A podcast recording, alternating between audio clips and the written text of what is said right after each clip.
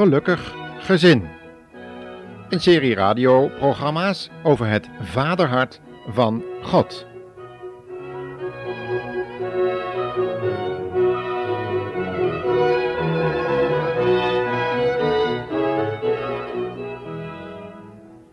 We willen samen nadenken over het vaderhart van God en u iets laten zien hoe jonge kinderen al heel vroeg een vertekend vaderbeeld hebben.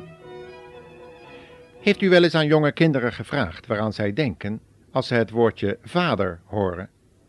Wist u dat veel jonge mensen een volkomen vertekend beeld hebben van de plaats die een vader in een normaal gezin zou moeten innemen? Hoe komt dat eigenlijk? Allemaal vragen die ons aan het nadenken zetten over de rol die een vader in het gezinsleven zou moeten innemen. Laten we zijn rol eens belichten vanuit het woord van God, de Bijbel, waarin de plaats van een vader duidelijk omschreven is vanuit het gezichtspunt dat God onze hemelse vader heeft.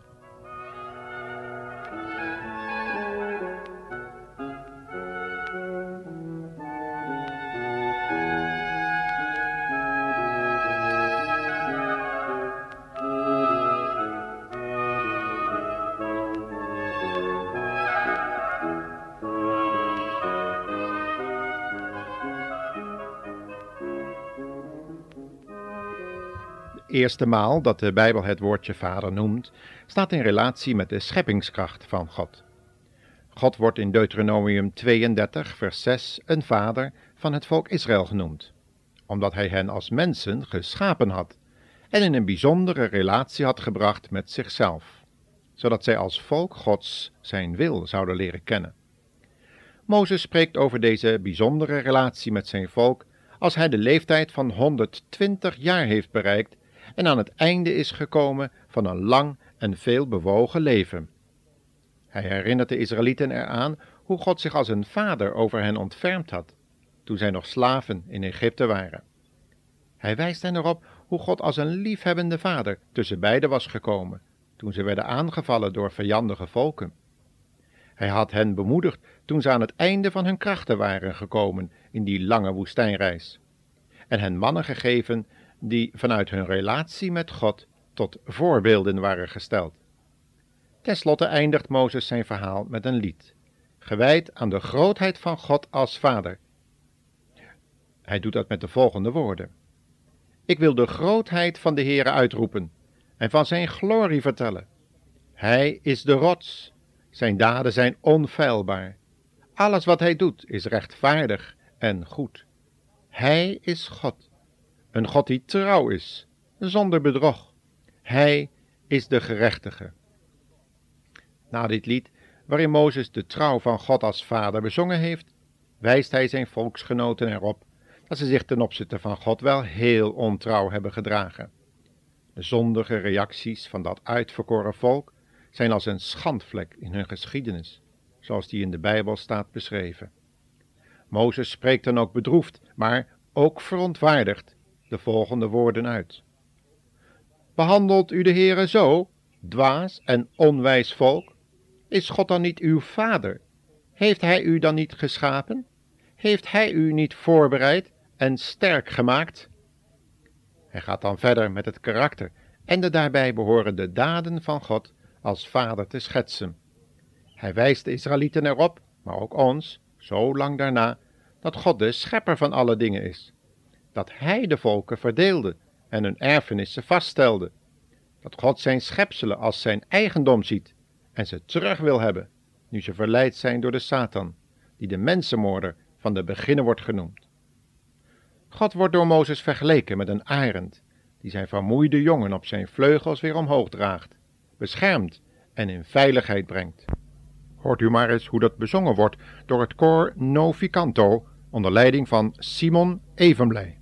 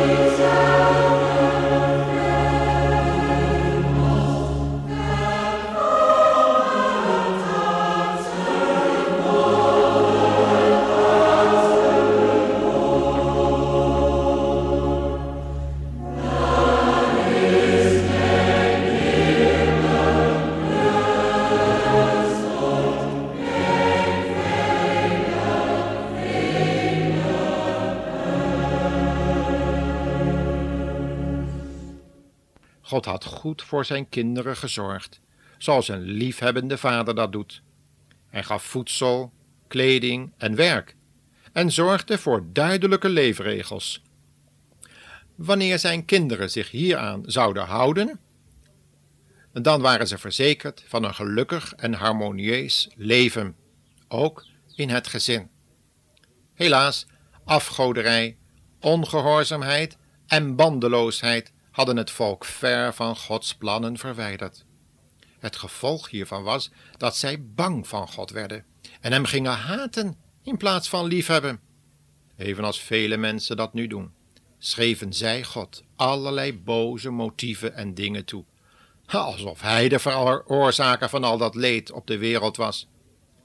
In plaats van God als Vader te eren en te dienen, begonnen zij hun eigen gedachten als maatstaf te nemen, zoals in dezelfde zonden vervielen als mensen die nog nooit van een persoonlijke relatie met God als Vader hadden gehoord. De gevolgen bleven niet uit. Alles wat God tevoren gezegd had en waarvoor hij gewaarschuwd had, kwam uit. De zonde bracht opnieuw dood en verderf voort, en de vijand van God en mensen sloeg zijn slag, evenals dat in onze tijd gebeurt.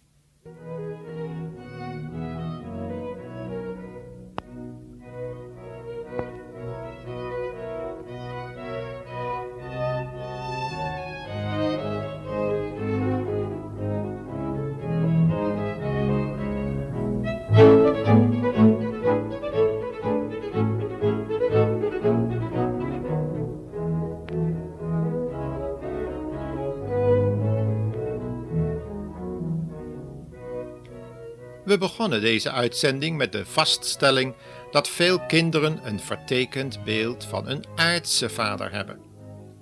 Als dat zo is, hoe zouden ze dan een goed beeld van God als hun hemelse vader kunnen krijgen?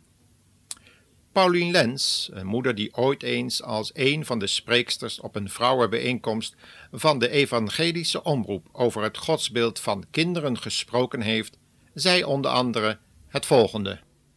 Veel kinderen hebben een vertekend beeld van wat een vader is. Vaak is vader weg voor zijn werk. Veel vaders hebben ook nooit geleerd emotioneel om te gaan met hun kinderen. Het godsbeeld van kinderen is daarom ook vaak vertekend. Voor mij was het dan ook een heerlijke ontdekking om te zien wie de hemelse vader voor mij was.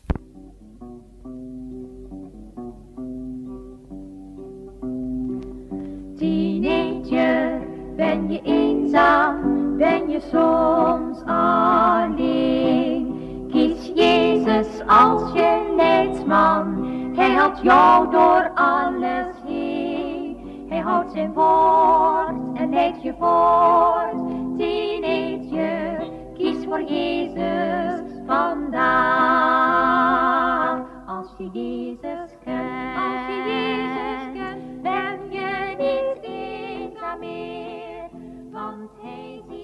Heeft u het verhaal wel eens gehoord van die kip die toen er brand uitbrak in het kippenhok haar leven gaf voor haar kuikens? Toen de boer haar in het verbrande hok aantrof, kwamen onder haar verschroeide vleugels een aantal springlevende kuikens tevoorschijn. Ze waren geborgen geweest onder de vleugels van hun moeder.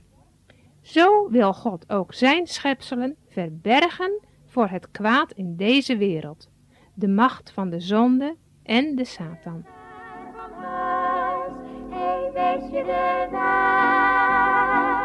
Als je Jezus kent, als je Jezus kent, ben je niet eenzaam meer.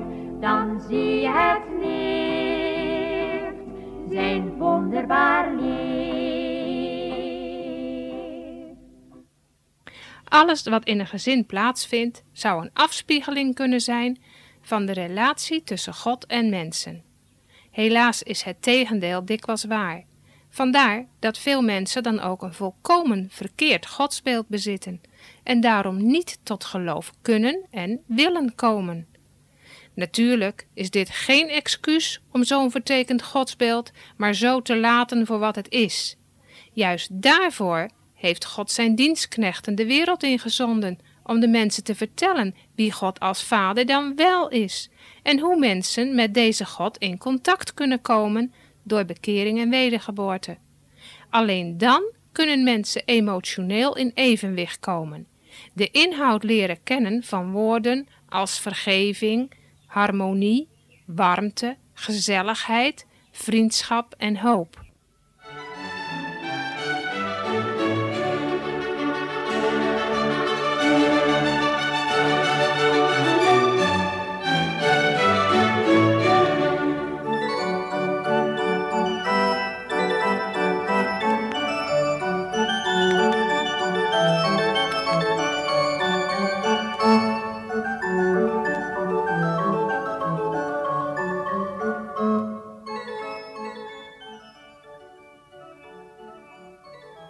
Eerste programma over de relatie met God als Vader was slechts een inleiding op een serie radioprogramma's die u God als trouwe en liefhebbende Vader willen laten zien.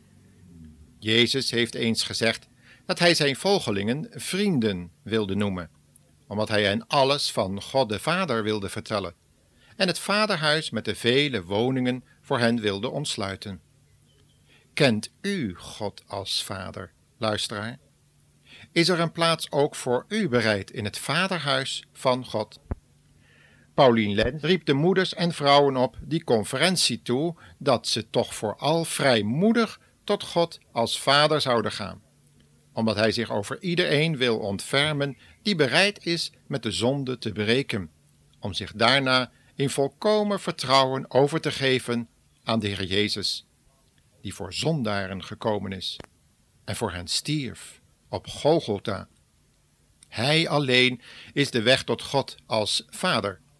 Hij alleen kent en geeft de rust die wij mensen zo nodig hebben. Maar dat alles wil God alsnog geven. Aan ieder die tot de Heer Jezus de toevlucht neemt en zijn vergeving en leiding van zijn geest wil aanvaarden. Stel die beslissing om op de knieën te gaan en Jezus als persoonlijke heiland en Heere aan te nemen, niet uit, luisteraar. Hij wacht ook op u.